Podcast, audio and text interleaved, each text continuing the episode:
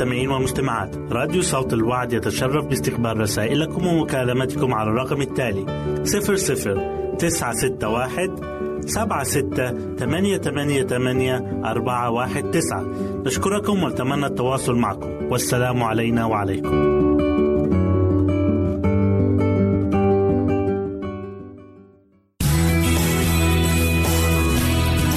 استماع وتحميل برامجنا من موقعنا على الإنترنت www.awr.org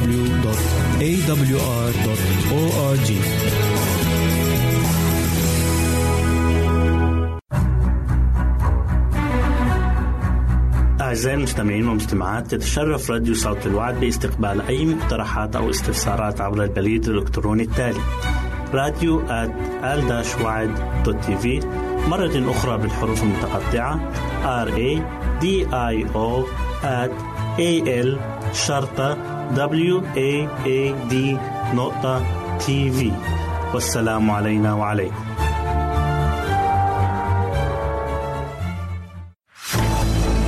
أعزائي المستمعين والمستمعات راديو صوت الوعد لا يكتفي بخدمتكم عبر الموجات الصوتية فقط بل وإنه يطرح لكم موقعا إلكترونيا يمكنكم من خلاله مشاهدة أجمل البرامج الدينية الثقافية الاجتماعية وغيرها من المواضيع الشيقة. يمكنكم زيارة الموقع من خلال العنوان التالي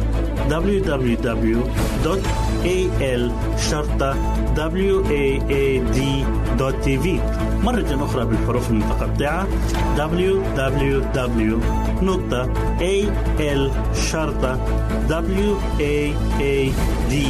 www.al-waad.tv والسلام علينا وعليكم.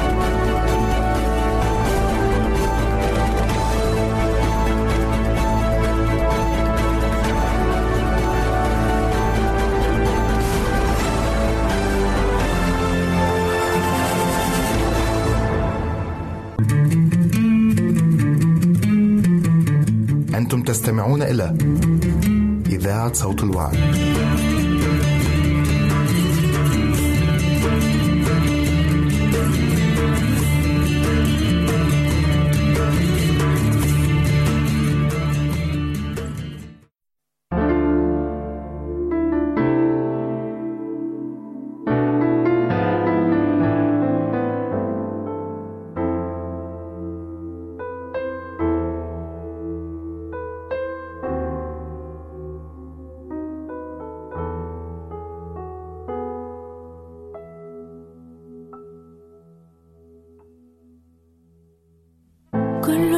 المجد والإكرام.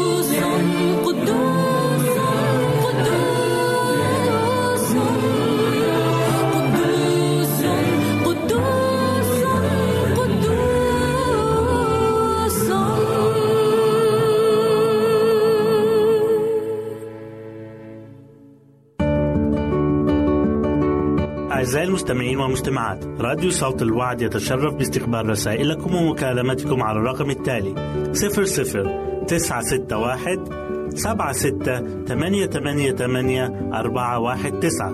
نشكركم ونتمنى التواصل معكم. والسلام علينا وعليكم.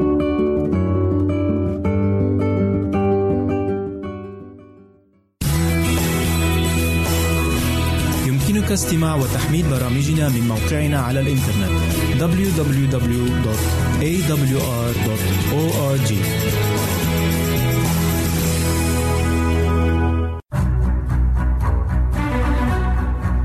أعزائي المستمعين والمستمعات تتشرف راديو صوت الوعد باستقبال أي مقترحات أو استفسارات عبر البريد الإلكتروني التالي راديو في مرة أخرى بالحروف المتقطعة R A D I O at A L شرطة W A A D نقطة تي في والسلام علينا وعليكم. أهلا وسهلا بكم مستمعينا الكرام في كل مكان. يسعدني أن أقدم لكم برنامج السراج المنير. وحلقة اليوم بعنوان متبررين مجانا بنعمته. وقد نسأل هل الأعمال كافية لتبرير الإنسان قدام الله؟ في كثير من الأحيان يعتمد الإنسان على أعماله في الوصول إلى الله ولكن الحقيقة هي أن الإنسان يخلص نتيجة النعمة أي الهبة المجانية من خلال الإيمان بما فعله السيد المسيح على الصليب وعندما نرجع إلى الكتاب المقدس نرى أن التبرير هو بالإيمان وليس بالأعمال لأن التبرير يحتاج أن تكون بارا فعلا لكي يعلن الله أنك بار. وحيث أنه من المستحيل بالنسبة لقداسة الله أن تكون بارا فلا يمكن أن يعلن أنك بار. عندما نسمع كلمة تبرير أو كلمة بر فإن تفكيرنا ينبغي أن يذهب فورا إلى المحكمة.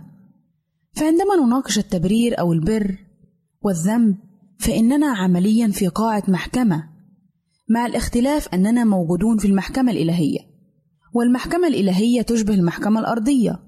فلو دخلت أي محكمة في الأرض وحضرت قضية ما ستجد القاضي يجلس في المنتصف تقريبا. ولو نظرت على اليمين ستجد قفص الاتهام حيث يوجد شخص أو أشخاص مذنبين. ولو نظرت إلى الناحية الأخرى ستجد الادعاء أو النيابة والتي توجه التهم للشخص المذنب في القفص. وستجد شخصا آخر في المحكمة وهو المحامي. وستجد بطبيعة الحال الأشخاص الجالسين الناس الذين يحضرون المحكمة. في الكتاب المقدس في الرسالة إلى أهل روميا نحن في محكمة إلهية. ومن هم الذين في قفص الاتهام؟ والجواب الكل في قفص الاتهام. لأن الكتاب المقدس يذكر لنا في سفر روميا إصحاح 3 والآية 12 يقول الجميع زاغوا وفسدوا معا ليس من يعمل صلاحا ليس ولا واحد. وفي الإصحاح نفسه في عدد عشرة بيقول كما هو مكتوب أنه ليس بار ولا واحد. الجميع في قفص الاتهام في المحكمة الإلهية. والقاضي العادل هو الله الذي يقضي للجميع بحسب العدالة الإلهية. ليس كما في عالمنا الحاضر. نجد أن هناك بعض من القضاة أحيانا يقضون بالرشوة ويبرئون المذنب ويذنبون البريء. أو قد نجد قاضيا مزاجيا يحكم بحسب حالته النفسية. فعندما يكون غاضبا يصدر حكما قاسيا. وعندما يكون مسرورا لسبب ما نجد أن الحكم ربما يكون مخففا. وهكذا. مثل هذه الأحكام لا ترضي الله. كما هو مذكور في سفر الأمثال إصحاح 17 والآية 15 مبرئ المذنب ومذنب البريء كلاهما مكرهة الرب. والسؤال هو هل الله قاضي من هذا النوع؟ حاشا لله فالله قاضي بار عادل. إنه سيحكم حكما صحيحا عادلا وسيديننا بالعدل ونحن جميعا نستحق هذا الحكم. وهنا نسأل ما هو حلم الشخص الذي وجد نفسه في قفص الاتهام؟ طبعا حلمه هو أن القاضي يعلن براءته. ماذا يعني التبرير؟ إن كلمة تبرير تعني إعلان أن شخص بار ويعامل على أنه بار. وبالنسبة للمؤمنين فإن التبرير هو عمل يقوم به الله ليس فقط لغفران خطايا المؤمن بل أيضا ليأخذ بر المسيح. يقول الكتاب المقدس في سفر روميا إصحاح خمسة والآية واحد فإذ قد تبررنا بالإيمان لنا سلام مع الله بربنا يسوع المسيح. وفي رسالة أفسس أصحاح 2 والآية 8 يقول لأنكم بالنعمة مخلصون بالإيمان وذلك ليس منكم هو عطية الله. إن التبرير لا يكتسب من خلال الأعمال بل أن بر المسيح هو الذي يغطينا بالإيمان به أي بالله وحده. ثم الأعمال تأتي نتيجة الإيمان. ويقول في رسالة أفسس إصحاح 2 والآية 9 ليس من أعمال كي لا يفتخر أحد. إن كان التبرير بالأعمال لكان بالأولى يفتخر أبونا إبراهيم وكما يقول الكتاب المقدس في رسالة روميا إصحاح أربعة والآية واحد واثنين فماذا نقول؟ إن أبانا إبراهيم قد وجد حسب الجسد؟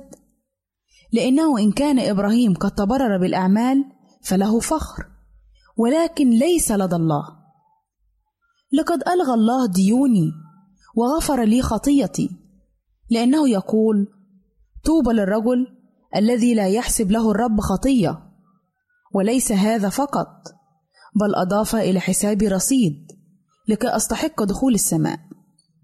فالتبرير يعني أنك شخص دخلت المحكمة عليك خطايا ولكنك خرجت منها ليس فقط كأنك لم ترتكب أي خطايا بل كأن معك ما يكفي لتدخل السماء. عظيم هو عمل الرب معنا. مع إننا خطاه واثمه هذا هو التبرير وهو أعلى من حكم البراءة. إن التبرير هو عمل الله التام وهو عمل فوري.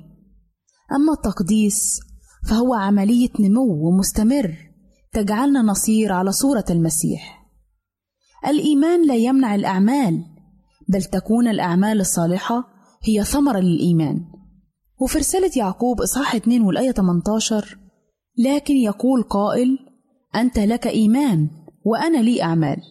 أرني إيمانك بدون أعمالك وأنا أريك بأعمال إيماني. فحينما لا يكون إيمانا حقيقيا بل ميتا لن تظهر في حياتك أعمال حسنة حقيقية. تبرهن على أن إيمانك حقيقي. وعندما يكون لك إيمانا حقيقيا فثمر الإيمان يتكاثر. وأعمالك الحسنة تظهر في المحبة واللطف وطول الأناة لتشهد عن الإيمان الحقيقي الذي فيك. إلى هنا نأتي أعزائي إلى نهاية برنامجنا السراج المنير، وإلى لقاء آخر على أمل أن نلتقي بكم. تقبلوا مني ومن أسرة البرنامج أرق وأطيب تحية، وسلام الله معكم. أعزائي المستمعين والمستمعات راديو صوت الوعد لا يكتفي بخدمتكم عبر الموجات الصوتية فقط بل وإنه يطرح لكم موقعا إلكترونيا يمكنكم من خلاله مشاهدة أجمل البرامج الدينية الثقافية الاجتماعية وغيرها من المواضيع الشيقة. يمكنكم زيارة الموقع من خلال العنوان التالي www.al waad.tv مرة أخرى بالحروف المتقطعة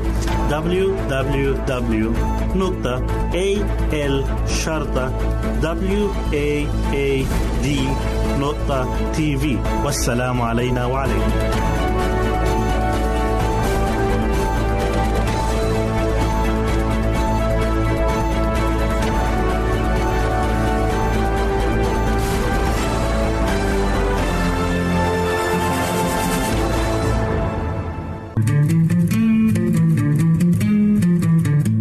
تستمعون إلى إذاعة صوت الوعي.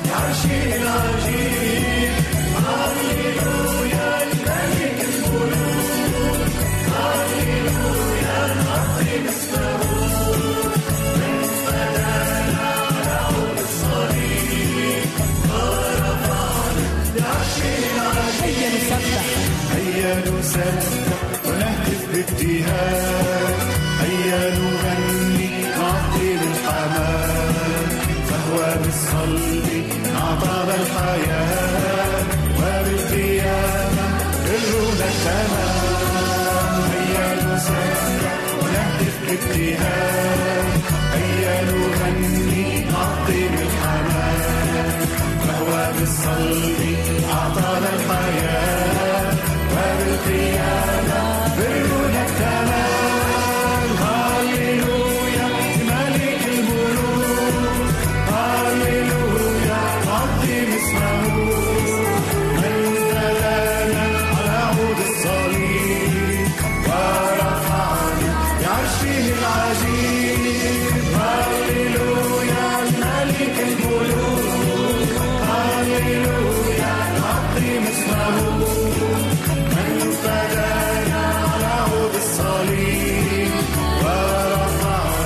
بعرشه العجيب هيا نسبح ونهتف بابتهاج هيا نغني نعظم الحمام فهو بالصلب أعطانا الحياة وبالقيامة برنا التمام هيا نسبح ونهتف بابتهاج هيا نغني نعظم الحمام فهو بالصلب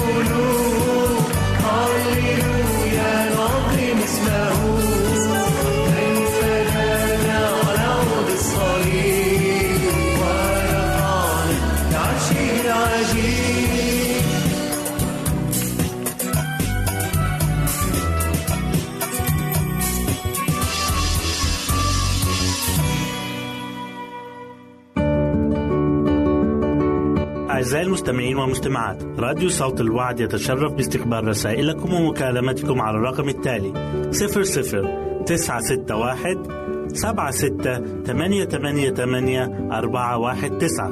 نشكركم ونتمنى التواصل معكم. والسلام علينا وعليكم.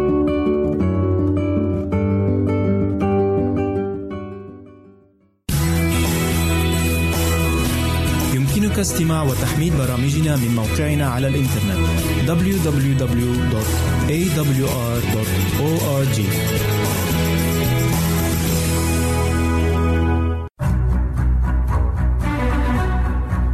أعزائي المستمعين والمستمعات تتشرف راديو صوت الوعد باستقبال أي مقترحات أو استفسارات عبر البريد الإلكتروني التالي راديو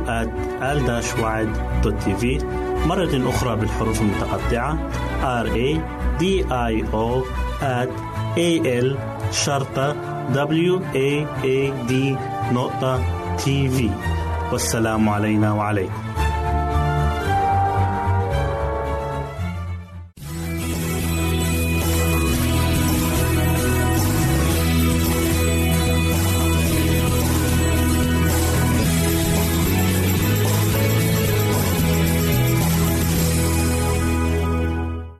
أهلا وسهلا بكم مستمعينا الكرام في كل مكان. يسعدني أن أقدم لكم برنامج من هنا وهناك والذي يتضمن الفقرات التالية الطبيعة والحفاظ عليها هل تعلم؟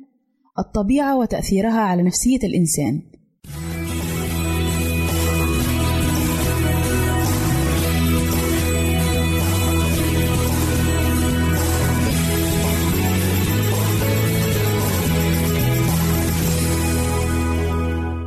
أولى فقراتنا نتكلم فيها عن الحفاظ على الطبيعة التي خلقها الله. إن قدرة الله تتمثل في خلقه البديع الذي نراه بأعيننا، فالله في عظمته أبدع في خلق الكون بكل ما يحتويه. والطبيعة من أكثر الدلائل على قوة وعظمة الخالق، فالسماء الزرقاء الواسعة، والجبال الشامخة، والتلال والهضاب بمناظرها الخلابة والغابات المليئة بأنواع الطيور والحيوانات الأليف والمفترس منها والسهول الواسعة بكل أشجارها المزهرة والورود الملونة التي تلون العالم وتعطره والتي تكسو الأرض في فصل الربيع الذي يعد بسمة السنة. تعتبر الطبيعة أحد أجمل عطايا الله له المجد حيث تتميز بوجود الحيوانات المتنوعة والنباتات المميزة الجميلة بداخلها والطيور بأنواعها وأشكالها الجميلة. ولكن في الوقت ذاته تتعرض الطبيعة للعديد من المشاكل. نذكر منها التلوث. لذلك يجب على الإنسان الحفاظ عليها بشكل جيد حتى يعيش في ظلها بشكل صحي وطبيعي. والحفاظ على الطبيعة التي خلقها الله يحسن من جودة المياه. والتي يترتب عليها الكثير من الفوائد. منها تحسين نوعية الحياة والحد من الأمراض المنقولة عبر المياه. إن هذه الطبيعة نعمة من نعم الله علينا ويجب الحفاظ عليها. الأشجار هي المصدر الهام لإمداد البشر بالأكسجين وهي أساس الحياة حيث أن الأشجار تقوم بامتصاص غاز ثاني أكسيد الكربون لتطلق الأكسجين أثناء عملية البناء الضوئي. فالعمل على قطعها وتدميرها هو أكبر انتهاك للطبيعة فيجب الحفاظ عليها. وأيضا تدوير النفايات وسيلة مهمة في الحفاظ على البيئة والطبيعة حيث أن مكبات النفايات ترمي بحمولتها في أماكن مخصصة للكمامة. ومع الوقت فإن الكميات تتضاعف في هذه المكبات. وتشكل خطورة كبيرة على البيئة وعلى المواد الجوفية وعلى الهواء وقد تسبب زيادة الأمراض.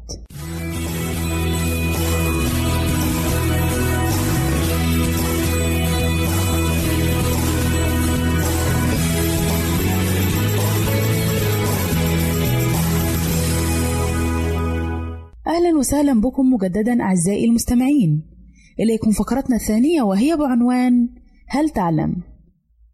هل تعلم أن الاحتكاك مع الطبيعة يؤدي إلى التخفيف بشكل كبير من الأعراض التي يعانيها الأطفال المصابون بما يعرف بقصور الانتباه وفرط الحركة؟ إذ يوفر لهم هذا التفاعل تأثيرا مهدئا ويساعدهم على التركيز. هل تعلم أن الطبيعة تخفف الشعور بالقلق والإرهاق الذهني واستعادة القدرة على الانتباه والتركيز؟ هل تعلم أن الطبيعة تساعد الإنسان على إحساسه بالحيوية والسعادة والرضا عن الحياة؟ هل تعلم أن الطبيعة ليست مجرد شيء لطيف بالنسبة لنا رغم أن لها قيمة هائلة في حد ذاتها؟ وإنما هي في الأساس مهمة لصحتنا ورفاهيتنا وسعادتنا. هل تعلم أن اللجوء للطبيعة والتأمل فيها يساعد على تعزيز صحة ووظيفة الدماغ بشكل كبير؟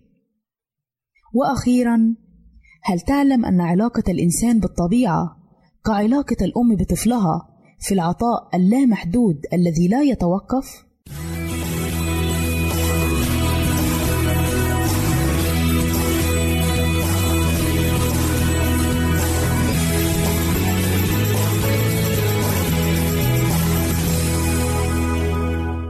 أهلا وسهلا بكم مجددا أعزائي المستمعين إليكم فقرتنا الثالثة والأخيرة والتي نتكلم فيها عن الطبيعة وتأثيرها على نفسية الإنسان. للطبيعة تأثير كبير على الإنسان سواء على صحته النفسية أم قدرته العقلية أم صفاته الشخصية كونه جزءا منها. فالتعرض المباشر للبيئة الطبيعية يمنح الإنسان الاتزان النفسي وراحة الدماغ وأيضا كافة أعضاء الجسم إن الحياة في بيئة طبيعية تعطي مزيدا من الراحة النفسية للرجال وتحسن أداء الدماغ ونوعية النوم لدى كبار السن من الجنسين. والقرب من الطبيعة مثل الحدائق والشواطئ الرملية وموج البحر يحسن من أداء الدماغ مما ينعكس إيجابيا على الراحة ونوعية النوم حيث وجد الباحثون صلة إيجابية بين النوم والراحة النفسية والتعرض لعناصر الراحة التي تمنحها البيئة الطبيعية، ويزداد تأثير هذه العناصر على الرجال خصوصًا، وعلى الجنسين في عمر الستين عاما أو أكثر. وتعتبر الطبيعة امتداد لوجود الإنسان واستقراره على الصعيد البيولوجي والروحي. وعلى سبيل المثال عندما يستلقى المرء على عشب أخضر أو يجلس على صخرة بين الجبال الخضراء ونسيم الهواء العليل يلفح وجهه والعصافير تغرد من حوله هل يمكن لأحد تجاهل هذا الشعور الجيد الناجم عن تواصله مع الطبيعة من حوله؟ إن مثل هذه اللحظات تمنح الإنسان الشعور بالاستقرار والهدوء وتعالج حالات القلق والأرق وغيرها مما يتعامل في النفس ومع الله المبدع الكون وخالقه مباشرة. إلى هنا نأتي أعزائي إلى نهاية برنامجنا من هنا وهناك. نسعد بتلقي آرائكم ومقترحاتكم وتعليقاتكم، وإلى لقاء آخر على أمل أن نلتقي بكم. تقبلوا مني ومن أسرة البرنامج أرق وأطيب تحية، وسلام الله معكم.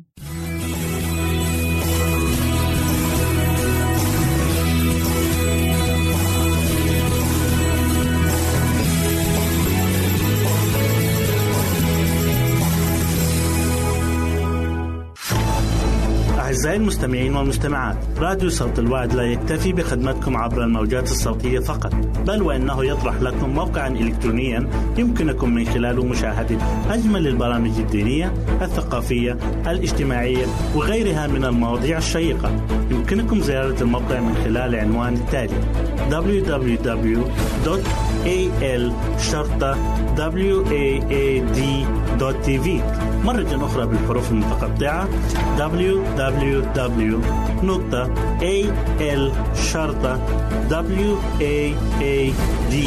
www.al-waad.tv والسلام علينا وعليكم.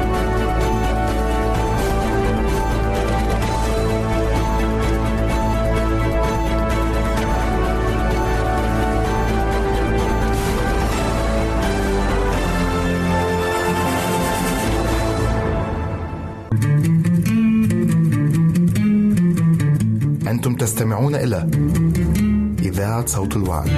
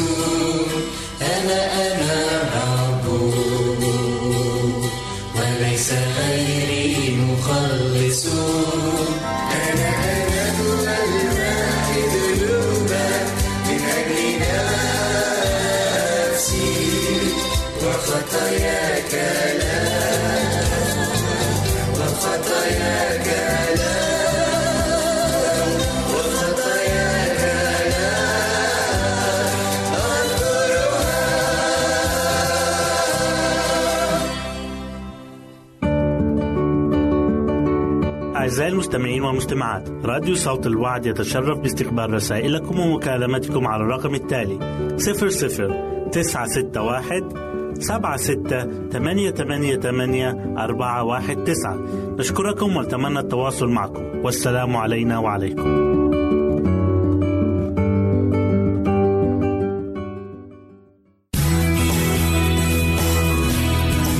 استماع وتحميل برامجنا من موقعنا على الإنترنت www.awr.org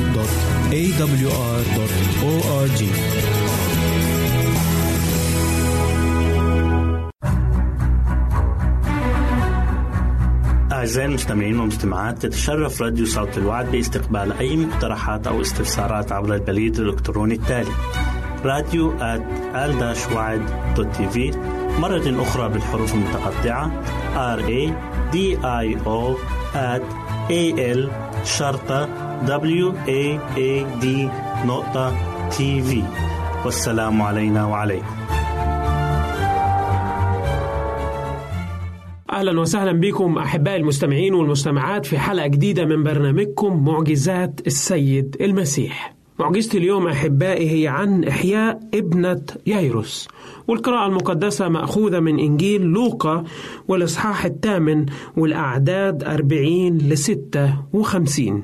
ولما رجع يسوع قبله الجموع لأنهم كان جميعهم ينتظرونه وإذ رجل اسمه ييروس قد جاء وكان رئيس المجمع فوقع عند قدم يسوع وطلب إليه أن يدخل بيته لأنه كان له بنت وحيدة لها نحو إثنى عشر سنة وكانت في حالة موت. ففيما هو منطلق زحمته الجموع. وبينما هو يتكلم جاء واحد من دار رئيس المجمع قائلا له قد ماتت ابنتك لا تتعب المعلم. فسمع يسوع وأجاب قائلا لا تخف آمن فقط فهي تشفى. فلما جاء إلى البيت لم يدع أحد أن يدخل إلا بطرس ويعقوب ويوحنا وأبا الصبيه وأمها. وكان الجمع يبكون عليها ويلتمون فقال لا تبكوا لم تمت لكنها نائمة. فضحكوا عليه عارفين إنها ماتت. فأخرج الجمع خارجا وأمسك بيدها ونادى قائلا يا صبية قومي. فرجعت روحها وقامت في الحال فأمر أن تعطي لتؤكل. فبهت والديها فأوصاهم أن لا يقولوا لأحدا عما كان. المعجزة النهاردة يا أحبائي بتكلمنا إزاي إن الرب يسوع يقدر يرجع الحياة إلى الإنسان الميت مرة تانية؟ شفنا في الحلقات السابقة قد إيه الله شفى أشخاص من أمراض ومن أوبئة وأشفاهم من أمراض قاتلة أمراض كانت معيشاهم في بؤس وألم وحزن شديد جدا. ولكن المعجزة اللي قدامنا النهاردة هي معجزة إقامة ابنة تركت العالم. النهاردة بنشوف قد إيه إيمان الشخص أبو البنت ده واللي هو يعتبر قائد موجود في المجمع. جه للرب يسوع طلب منه إن هو يشفي بنته. ما كانش يعرف إن هي في دقايق معدودة هتفارق الحياة ولكن كان عنده رجاء وكان عنده إيمان إن الرب يسوع هيجي ويلمس بنته ويشفيها من المرض. بنبص على أول القصة بنقول إن كان في جموع كثيرة جدا كانت في انتظار الرب يسوع. سمعوا عن العجائب اللي عملها سمعوا عن القوات اللي عملها سمعوا عن قد إيه عظمة الله إن هو يقدر يغير حياتهم ويديهم حياة جديدة. كان شعب بلا رئيس وخرفان بلا راعي. بالفعل كان شعب إسرائيل شعب تائه في الخطية. ليس له إنسان يقوده ولا شخص يطيب جراحه. ولما جه الرب يسوع كان هو الطبيب الأعظم. كان هو الإله اللي بيقدر يشفي الأمراض المستعصية وبيشفي جروح الأشخاص اللي بينزفوا. جه الرب يسوع بالفعل علشان يديهم حياة. بيقول جئت ليكن لهم حياة وليكن لهم أفضل. جه الرب يسوع عشان يديهم أمل جديد. والشعب الخاطي والشعب التائه في البرية. رجعوا مرة ثانية إلى حظيرته وهي حظيرة النعمة. جه هنا رئيس المجمع. وتخيلوا معايا؟ ييروس كرئيس مجمع ذهب بنفسه لشخص الرب يسوع رغم إن ده كان ممنوع إن هو يعمل حاجة زي كده. إزاي يروح لإنسان بيجي وبيعلم ضد التعاليم اليهودية؟ إزاي يروح لشخص النهارده هو ما يمشيش تحت القوانين اللي بيسنيها رجال الدين اليهود؟ ولكن الشخص ده شال كل الحواجز وشال كل الظروف اللي كانت موجودة قدامه وعمل إيه؟ راح للرب يسوع. خلع توب القائد اليوم. كان هو إنسان كان ممكن يروح يبعت شخص مكانه أو النهاردة ممكن ياخدها عند أحسن الأطباء اللي موجودين في أورشليم أو في أي مكان تاني حوالين اليهودية ولكن راح بنفسه لشخص الرب يسوع. جه وقال له قال له اشفي ابنتي؟ بس ما راحش قال له من فضلك تعالى لا الكتاب المقدس بيقول فوقع عند قدمي يسوع. بالفعل كان أكبر درس الإنسان يقدر يتعلمه النهاردة هو قد إيه الإنسان لما يجي لشخص الله يطلب التواضع. بنشوف إن الإنسان رئيس المجمع ده خلع توب الرئاسة واتضع أمام شخص المسيح. يمكن في أشخاص النهاردة يقول لك أنا مستوايا ما أقدرش إن أنا أعمله أو مستوايا الاجتماعي ما يقدرش يخليني أعمل حاجات معينة. ونلاقي الإنسان بيعطي مبرر إن هو يجي لشخص الرب يسوع عشان خاطر برستيجه أو أو منظره الاجتماعي قدام المجتمع. ولكن الكتاب المقدس بيقول إن جه رئيس المجمع ووقع عند رجلين الرب يسوع طالبا منه إن هو يشفي بنته. وكم هو عظيم إيمان هذا الشخص إن هو يروح ويتضع أمام الله ويطلب بالمسيح إن هو يخش بيته. لما الرب يسوع وافق وشاف إيمان الراجل وإلحاحه إن الإنسان ده بالفعل يريد بنته أن تبرأ قال له يلا نروح. وهو كان بيتكلم ولسه بيخلص مع المسيح جه واحد وقال له يا سيدي لا تتعب المعلم. ابنتك ماتت. قال له بالفعل بنتك فرقت الحياة. ما تتعبش المسيح ان هو يجي ولكن الرب يسوع بمحبته الأبدية ومحبته العظيمة ومحبته لكل إنسان النهاردة إله الحياة نبع الحياة جه وقال للراجل ما تخافش آمن فقط. لأن كل شيء عند الإنسان المؤمن محال. بالإيمان كان أكبر جزء جدا في حياة أبطال الإيمان في العهد القديم كان الإيمان علشان كده بنقول عليهم أبطال الإيمان. أي معجزة حصلت الرب يسوع بيقول إيمانك قد شفاك إيمانك قد شفاك. قال له بالفعل آمن فقط. ولما دخل الرب يسوع البيت أخذ بعض التلاميذ المقربين ليه. دخل للرب يسوع على بيت مليان بحياة الكآبة والألم بنت الراجل الوحيدة بالفعل عمرها 12 سنة فقدت حياتها. تخيلوا في وسط المنظر الكئيب الحزين ابتدى يدخل الرب يسوع. ولكن ما كانش داخل بس علشان يقومها والداخل علشان يوريهم. مجد الله. إن المسيح بس مش جه إلى هذا العالم علشان يعمل معجزات ولكن جه علشان يرجع النفوس الضالة مرة تانية. كانت مش هي دي المعجزة اللي بنشوف بيها الله بس بيقوم إنسانة من بين الموت ولكن الله كان بيهب الآخرين أيضا حياة أبدية. كانت حياتهم ميتة روحيا. ابتدى الرب يسوع يقول لهم ما تبكوش البنت مش ميتة ولكنها نائمة. وبنلاقي في وسط الحزن وفي وسط الروح الجنازة اللي كانت موجودة أو أو روح الحزن اللي كانت مسيطرة على المكان. الكتاب المقدس بيقول كلام غريب جدا. بيقول فضحكوا عليه عارفين إنها ماتت. قال لك مستحيل ضحكوا عليه. إزاي جاي بيقول إن هي نايمة؟ ولكن المسيح قال لهم أو يمكن كان عايز يقول لهم إن كل حاجة بتحصل هي بتحصل لمجد الله لأن البيت ده برضه في احتياج إلى خلاص. يمكن النهاردة بنلاقي فيه حاجات مستعصية أمراض موجودة حالات ميؤوس منها. بنقول إزاي مثلا ولا حاجة زي كده هتحصل؟ وبنضحك وبنستهين بقوة الله. ولكن الله قال لهم إن هي مش ميتة. هي نايمة. اداهم الله قال لهم الغير مستطاع عند الناس مستطاع عند الله. قال لهم النهاردة لو أنتوا فقدتوا الأمل وقلت إن هي ميتة أنا النهاردة هوريكم أنا أقدر أعمل إيه.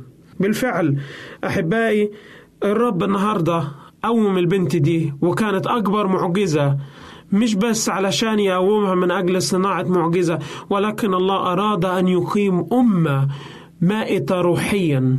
أمة بالفعل كانت ميتة من جوه ما عندهاش إيمان. ماتت بالفعل. هي دي كانت الكلمات اللي تفوهوا بيها. ضحكوا وما قدروش إن هم يأمنوا في شخص الله وفي شخص المسيح. رب يسوع بالفعل النهاردة عايزنا إن إحنا نآمن. نآمن في قوته نآمن في عظمته نآمن في كل حاجة. علشان كده قال للرب يسوع كلمات قال اعطوها لتأكل. كان تأكيد وبرهان واضح إن الله بيقول لهم إن ده ما كانش مجرد إن هي قامت بس قيامة وهمية ولكن كانت قيامة حقيقية. أعطوها لتأكل. قال لهم عشان أبرهن لكم كلامي ادوها أكل.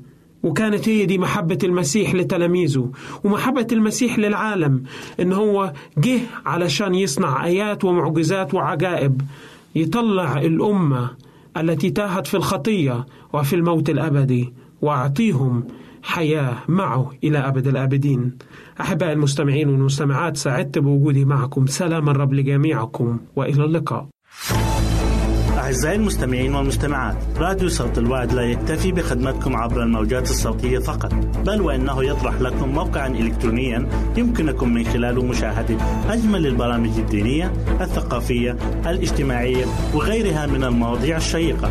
يمكنكم زيارة الموقع من خلال العنوان التالي www.al-waad.tv مرة أخرى بالحروف المتقطعة www.al-waad.tv والسلام علينا وعليكم.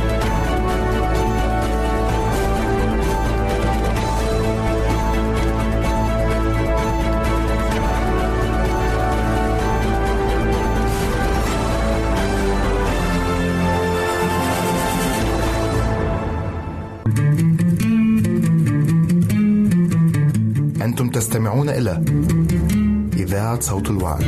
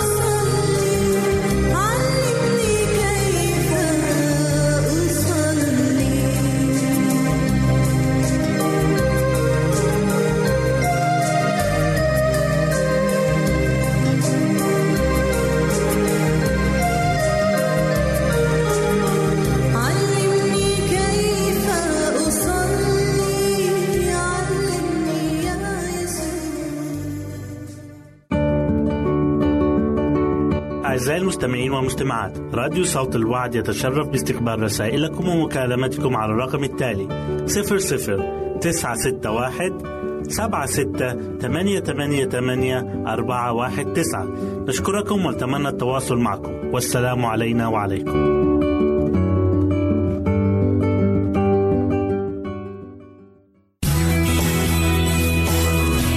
يمكنك استماع وتحميل برامجنا من موقعنا على الإنترنت. www.awr.org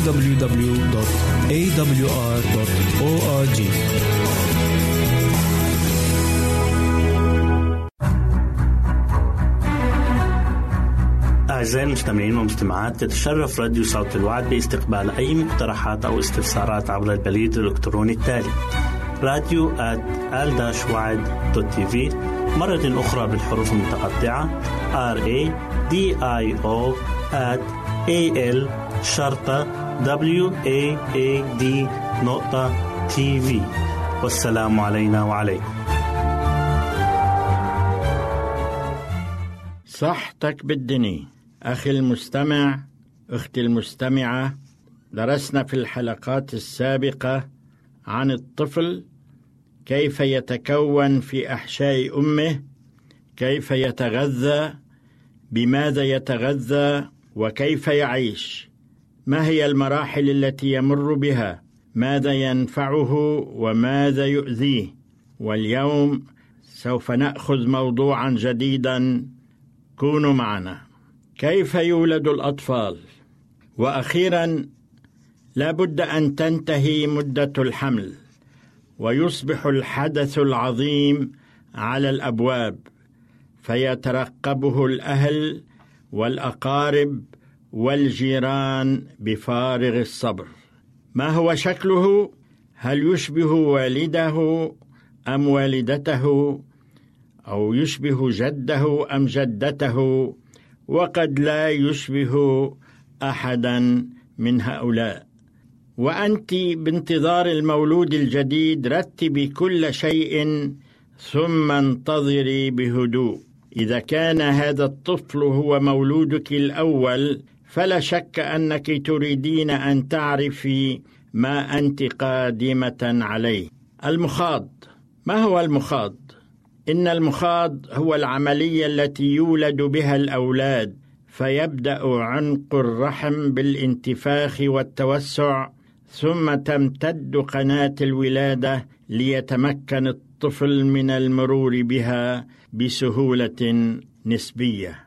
الطبيعة تساعد في عملية الولادة. خلال الأشهر التسعة الماضية والطفل ينمو نموا طبيعيا ضمن كيس خاص من السائل ليحميه ويدعى هذا الكيس كيس الرأس. ومتى انقضى الوقت المعين يحين موعد الخروج. وفي نفس الوقت تكون الطبيعة آخذة في عملها كتليين الأنسجة في الحوض استعدادا للولادة. وهذا التلين لا يحدث فجأة بل يستغرق مدة من الزمن. ومتى تم كل شيء يقوم عامل من العوامل ويعطي أوامره للرحم بأن يبدأ بالتقلص. ولا نعرف حتى الآن كيف يبدأ عمله. ولكننا نعرف أنه لا يخطئ ابدا. بداية المخاض. أنت الآن في بداية المخاض ويأخذ الطفل وضعه الطبيعي وهو يسير ببطء مع تقلصات الرحم نحو الخارج. ارتاحي ما بين هذه التقلصات لما ينتظرك. نامي إذا استطعت فكثيرات من الحاملات ينمن وقت المخاض. إذا كانت عملية المخاض تسير ببطء انهضي من الفراش وتمشي في أرض الغرفة. فهذا من شأنه أن يساعد ويقوي الدورة الدموية في الشرايين والأوردة. ثم ليكن عقلك وفكرك مرتاحين. لأن ذلك على جانب كبير من الأهمية. عندما يبدأ المخاض ابتعدي عن المأكولات الجامدة وليكن طعامك من السوائل. ما هي مدة زمن المخاض؟ يختلف الأمر بين امرأة وأخرى. إذا كان هذا هو طفلك الأول فقد يستغرق المخاض من 12 إلى 24 ساعة وتقصر هذه المدة في الأطفال الباقين من ستة إلى ثمان ساعات عندما تزداد التقلصات أو الطلق. قد تطلب منك الممرضات أن تشد قليلا لتساعدي الطبيعة. وإذا طالت المدة فقد تعطيك الممرضات بعض البنج عن طريق الشم مع العلم أن المخاض إذا مر من دون بنج فهو أفضل. أهمية الطعام. هنا وفي هذا الوقت تظهر أهمية الطعام في مدة الحمل. فإذا كان طعامك جيدا ومغذٍ تكون الأنسجة صحية والراحة تامة والشفاء عاجلا.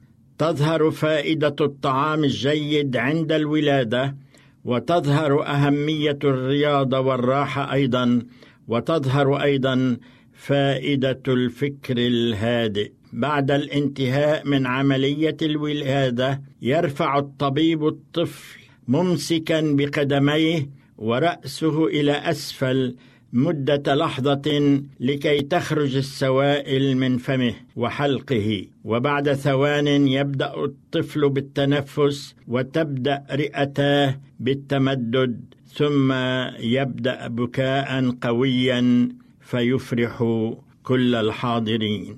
ويعتمد من الآن فصاعدا على نفسه في التنفس. ويعمل الطبيب في عقد حبل السر جيدا بمساواة سطح البطن ثم تمسح عينا الطفل بلطف ويقطر فيهما بعض النقاط من محلول خاص ومطهر. وهذا من شأنه أن يزيل ما يكون قد علق بهما من ميكروبات. الحاجة إلى طبيب ماهر. لماذا؟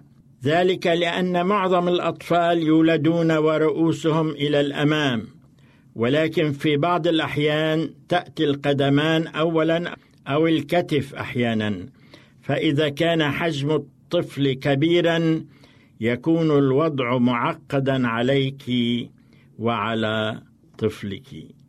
في وقت كهذا تحتاجين إلى طبيب ماهر لا ليعرف ما يقوم به فحسب وإنما لتكون عنده الجرأة ليقوم بذلك. فحتى الطبيب لا يعرف مسبقا ماذا سيحدث فعليه أن يكون دائما مستعدا لمجابهة ما قد يحدث. حتى بعد الولادة قد تظهر صعوبات لا سيما في الأيام الأولى بعد الولادة. فالطبيب الماهر يقدم لك أفضل العناية فترتاحين لأنك تعرفي أنك بين يدين قادرتين. تتوقف مدة بقائك في المستشفى على إرادة طبيبك فقد يكون ذلك اربعه أو خمسة أيام أو ربما أكثر. إن الرجوع إلى البيت أمر تتوقين إليه ولكن لا تستعجلي. كل هذه الأمور تبين اهتمام الحامل واعتمادها على طبيب ماهر ولا مكان هنا لآراء الهواة غير الخبيرين. إن الولادة عملية طبيعية وكثيرات من النساء يجتزنها بسلامة. ولكن هناك حالات قد تتعقد وتظهر مضاعفات. إن العناية الطبية أقل كلفة وأكثر امنا على المدى الطويل كان معكم شحادة حلبي أنتم تستمعون إلى إذاعة صوت الوعي.